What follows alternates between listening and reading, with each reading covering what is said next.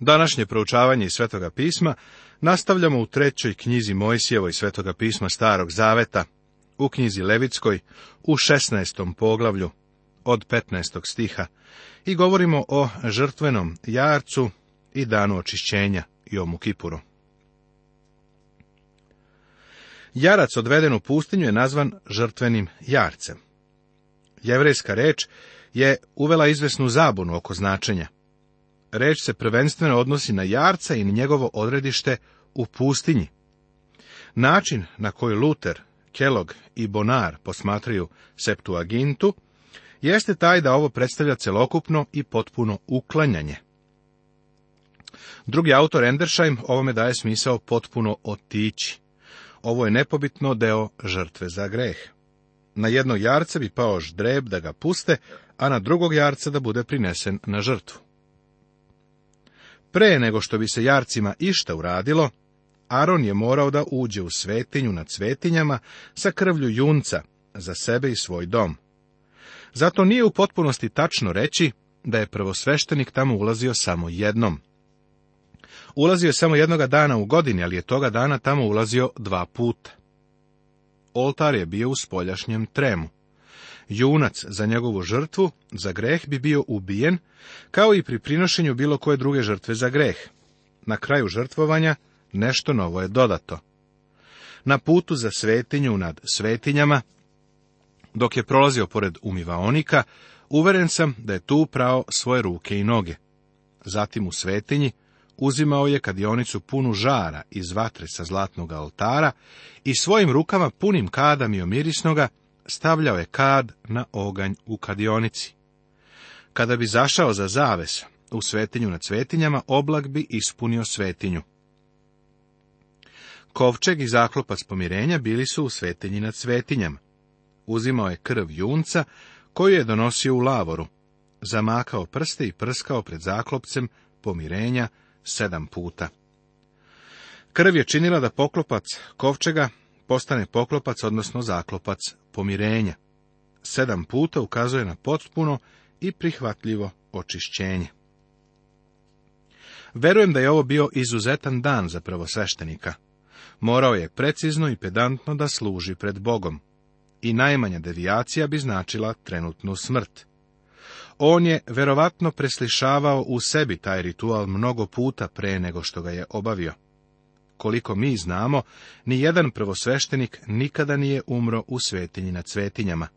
Umrli su jedino Nadav i Avijud.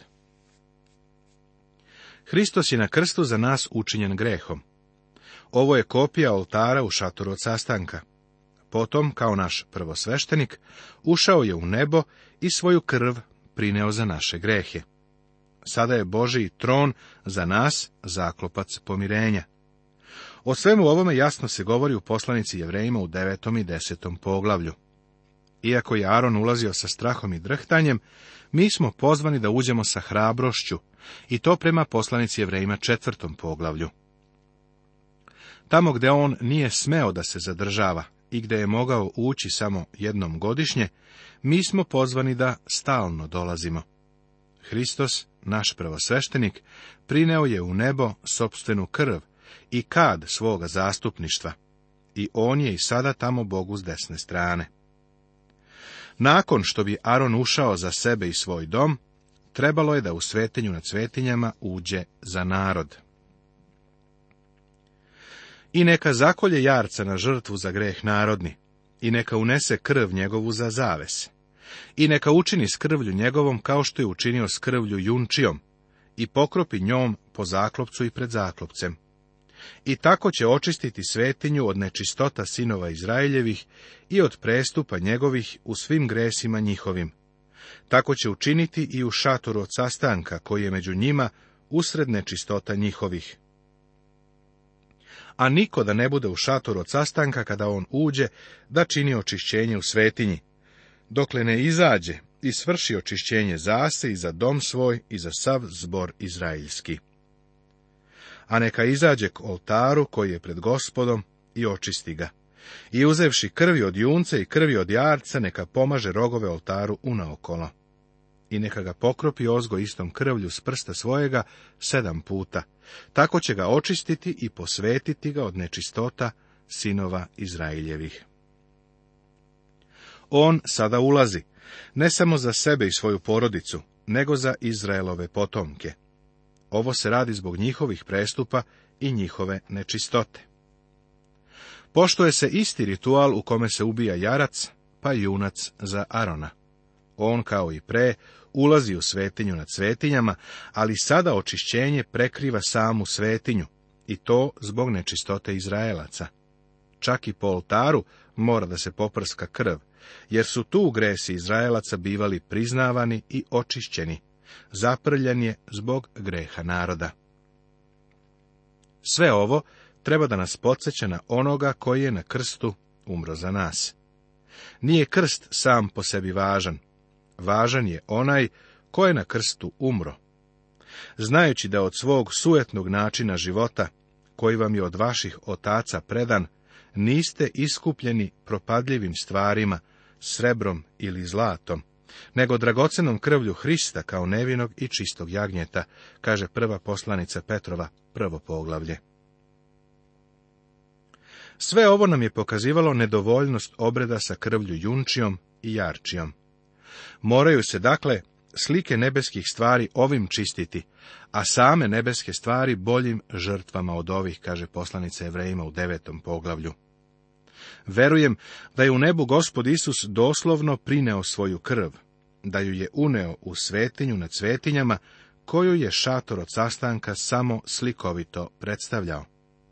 Znam da neki ljudi ne vole da slušaju o krvi, pa smatraju da je ovakvo doslovno tumačenje prilično sirovo. Primetit ćeš da je apostol Petar naziva dragocenom krvlju Hristovom. Verujem da će Hristova krv biti kod trona Božjega, da nas kroz beskrajnu večnost podsjeća da je naše spasenje kupljeno ogromnom cenom. Hristos je prolio svoju krv na krstu i onda je prineo za tvoje i moje grehe.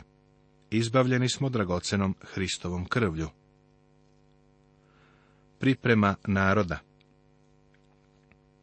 A kad očisti svetinju i šator od sastanka i oltar, tada neka dovede jarca živoga i metnuvši Aron obe ruke svoje na glavu jarcu živomu, neka ispovedi nad njim sva bezakonja sinova Izraeljevih i sve prestupe njihove u svim gresima njihovim, i metnuvši ih na glavu jarcu, neka ga da čoveku spremnom da ga istere u pustinju.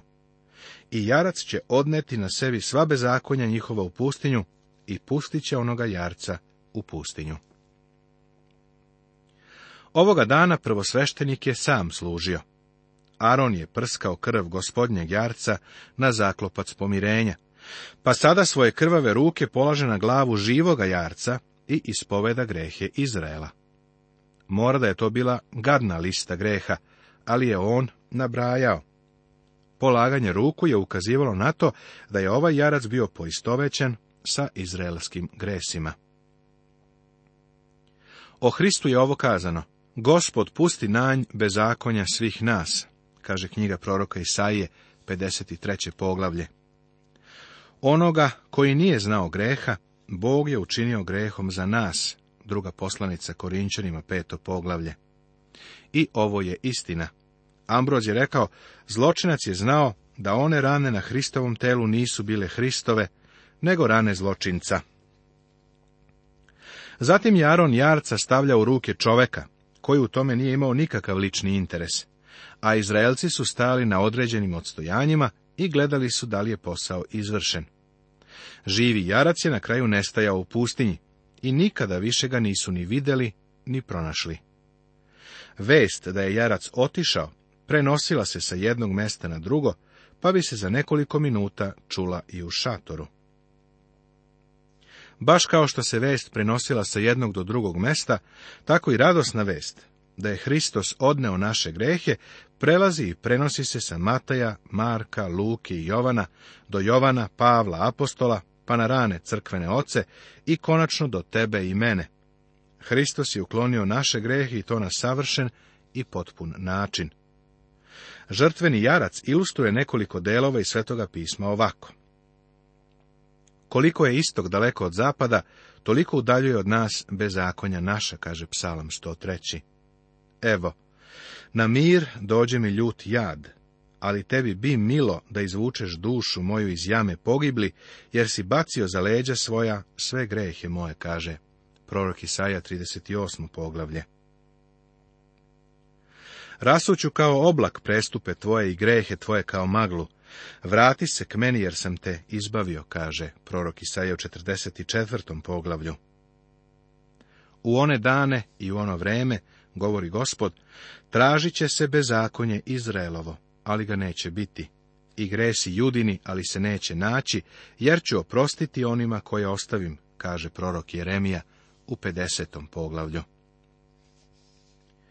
I neće više učiti prijatelj prijatelje i brat brata govoreći, poznajte gospoda, jer će me znati svi od maloga do velikoga, govori gospod, jer ću im oprostiti bezakonje njihova i greha njihovih neću više pomenjati, kaže prorok Jeremija, 31. poglavlje. Šta veliki dan očišćenja znači za hrišćanina? Ovo je i za nas sveti dan. Kada je tamo prvosveštenik sa krvavim rukama, koje je položio na glavu jarca, ja razmišljam o mome gospodu na krstu. Evanđelista Jovan je pokazao na njega, evo, jagnje Božije koje uklanja greh sveta u prvom poglavlju. Ako pak hodimo u svetlosti kao što je on sam u svetlosti, imamo zajednicu jedan sa drugim i krv sina njegova Isusa Hrista čisti nas od svakoga greha, kaže prva poslanica Jovanova. Din Lo je dobro rekao, vera premešta naše grehe, Hristos ih uklanja, a Bog ih zaboravlja. Potom neka opet uđe Aron u šator od sastanka i svuče haljine lalnene koje je obukao kada je išao u svetinju. I onda neka ih ostavi.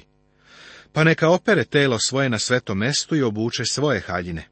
I izišav neka prinese svoju žrtvu paljenicu i narodnu žrtvu paljenicu i očisti sebe i narod. Obred velikog dana očišćenja je sada upotpunjen. Ne želim da budem nepristojan, ali dozvoli mi da kažem da sve što je Aronu ostalo da uradi jeste da se opere. Ovaj deo ne nalazimo kod Hrista. Kada je njegovo delo bilo završeno, on je seo Bogu s desne strane. Aron se nije usudio da uđe na sveto mesto za godinu dana, ali naš gospod sedi u prisutnosti Božjoj, jer sada nema ni mrlje greha na njemu, iako je sve grehe odneo na krst. Stih 25. kaže da je salo od žrtve za greh bilo prineseno kao žrtva paljenica. Ovo štiti ličnost Hristovu od bilo kakve primese greha, iako je on za nas učinjen grehom. Ako odvede jarca za Azazela, neka opere haljine svoje i okupa telo svoje u vodi, pa onda neka uđe u oko. A junca za greh i jarca za greh od kojih je krv unesena da se učini očišćenje u svetinji, neka iznesu napolje iz okola i neka spale ognjem kože njihove i meso njihovo i balegu njihovu. Ako ih spali, neka opere haljine svoje i okupa telo svoje u vodi, pa onda neka dođe u oko. Onaj koji je jarca odvodio u pustinju, bio je zaprljan kontaktom sa živim jarcem, pa je morao da opere odeću i da se okupa. Leševi junce jarca su iznošeni izvan okola i spaljeni, a ljudi koji su to uradili također su morali da se operu. Kažem ti, Bog je želeo da ove ljude uveri u činjenicu da oni jesu grešnici, izgubljeni grešnici. On pokazuje da on sam jeste svet i da greh odvaja ljude od Boga. Prijatelju, grehom smo bili odvojeni od Boga, ali je Hristos umro za nas. On je odneo naše grehe kada je sa svojom krvlju ušao u svetinju. I ovo neka vam bude večna uredba. Deseti dan sedmoga meseca mučite duše svoje i ne radite nikakvoga posla, ni domorodac, ni došlja koji se bavi među vama, jer u taj dan biva očišćenje za vas, da se očistite. Bićete očišćeni od svih greha svojih pred gospodom to neka vam je počivanje subotno i mučite duše svoje po uredbi večnoj. A sveštenik koji bude pomazan i koji bude osvećen da vrši službu svešteničku na mesto oca svojega, on neka očišća obukavši se u haljine lanene, haljine svete. I neka očisti svetinju svetu i šator od sastanka, i oltar neka očisti. I sveštenike i sav narod sabrani neka očisti. I ovo neka vam je večna uredba da očišćate sinove Izraeljeva od svih greha njihovih jedanput u godini. I učini Mojsije kako mu zapovedi gospod. Dan očišćenja je jedini dan žalosti i posta koji je Bog dao svome narodu. Toga dana ne govoriš srećan Jom Kipur, jer se na ovaj način taj dan nije obeležavao. Bio je to dan koji žalosti dušu zbog greha. Bila je to žalost zbog greha. Ovo je osnova i temelj posta u Starom Zavetu. Ovaj dan je trebalo obeležavati sve dok ne dođe trajna i večna žrtva za greh. To je ispunjeno Hristovom smrću. Poglavlje 17. Tema Jedno mesto za žrtvu i vrednost krvi. Treća knjiga Mojsijeva, Levitska knjiga, je uzbudljiva knjiga i to je knjiga koja otvara i objašnjava velike temeljne i suštinske istine za današnjeg hrišćanina. Iako su ove stvari doslovno date izraelskom narodu i iako je razlog za praktikovanje svega ovoga već prošao, ipak sve to u sebi sadrži velike duhovne poruke za nas danas. Daje nam odgovore na mnoga pitanja i pruža novo razumevanje i poštovanje Novoga Zaveta. Srećan sam što mnogi ljudi lično stupaju u bliski odnos i zajedništvo sa Hristom i to kroz proučavanje treće knjige Mojsijeve. Neki ljudi ovo poglavlje tretiraju kao produžetak prethodnog. Istina je da ovdje postoji deo koji sledi iz prethodnog poglavlja, ali je tema sasvim drugačija. Ovde se razmatra jedno mesto na kome se prinose žrtve i vrednost krvi. Ovo poglavlje je imalo direktnu primjenu na hod kroz pustinju i na period kada se Izrael smeštao oko šatora od sastanka. Ovo je vezano za etička, a manje za obredna pitanja. Čiste domaće životinje za ishranu je trebalo ubijati kod šatora. Jedino se stihovi 8 i 9 u ovom poglavlju specifično bave ceremonijalnim prinošenjem žrtve Bogu. Nakon što se Izrael raštrkao po palestinskoj zemlji, neki od njih su živeli i po nekoliko stotina kilometara udaljeni od šatora od sastanka. Nije bilo izvodljivo, ani moguće, da životinje koje su namenjene ishrani dovode do šatora od sastanka da se tu kolju.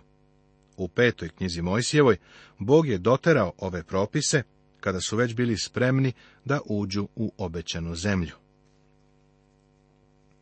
Zašto je Bog dao ovakve propise? Izraelci samo što su izašli iz Egipta, gde su bili okruženi idolopoklonstvo.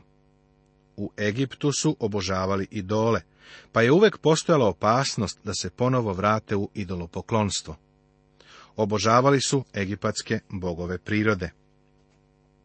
U sedmom stihu reč koja je prevedena sa djavoli je u stvari irim, koja znači dlakavi, a misli se na jarce. Egipćani su obožavali Mendes, boga jarca, a Grci su obožavali Pana, boga jarca. Ovo nam je poznato iz grčke mitologije, a u umetnosti je opisan sa repom, rogovima i razdvojenim papcima. Srednjevekovno hrišćanstvo ga je identifikovalo kao đavola. Naša reč panika potiče iz tog vremenskog perioda kada se njom opisivao užas kojim je đavo, odnosno pan, proizvodio. Iz ovoga vidimo da je Izraelcima bilo zabranjeno da ubijaju životinje i na jednom drugom mestu, osim pred šatorom od sastanka. Tako se sprečavalo prinošenje žrtava Bogu Panu, Bogu Jarcu. Zatim saznajemo da ni pod kakvim uslovima krv nije smela da se jede. Razlog je dat. Krv predstavlja život. I za ovoga se krije dvostruki razlog. Pod jedan, život je svet, Čak ni životinje ne treba bespotrebno ubijati. I dva, krv govori o Hristovoj žrtvi. Ona je bila sredstvo ispaštanja, simbol izmirenja i vrsta divne, zastupničke i zamjeničke Hristove žrtve. Život je svet i mora se zaštititi, ali Hristos mora dati svoj život da bi grešnik imao život. Krv i život su sinonimi. Čovjek nikako nije smeo da jede krv ali treba da pije Hristovu krv, što u stvari znači da verom primi prolivenu Hristovu krv. Hristov život koji je on dao da bismo mi živeli. Volimo, slavimo to u krvi, govorimo o njoj. Prečesto, čak i u crkvama imamo slabašno i neubedljivo isticanje greha. Prijatelju, kad god postoji oklevanje pri spominjanju greha, automatski se u istoj meri podcenjuje i dragocena Hristova krv nastavit će se.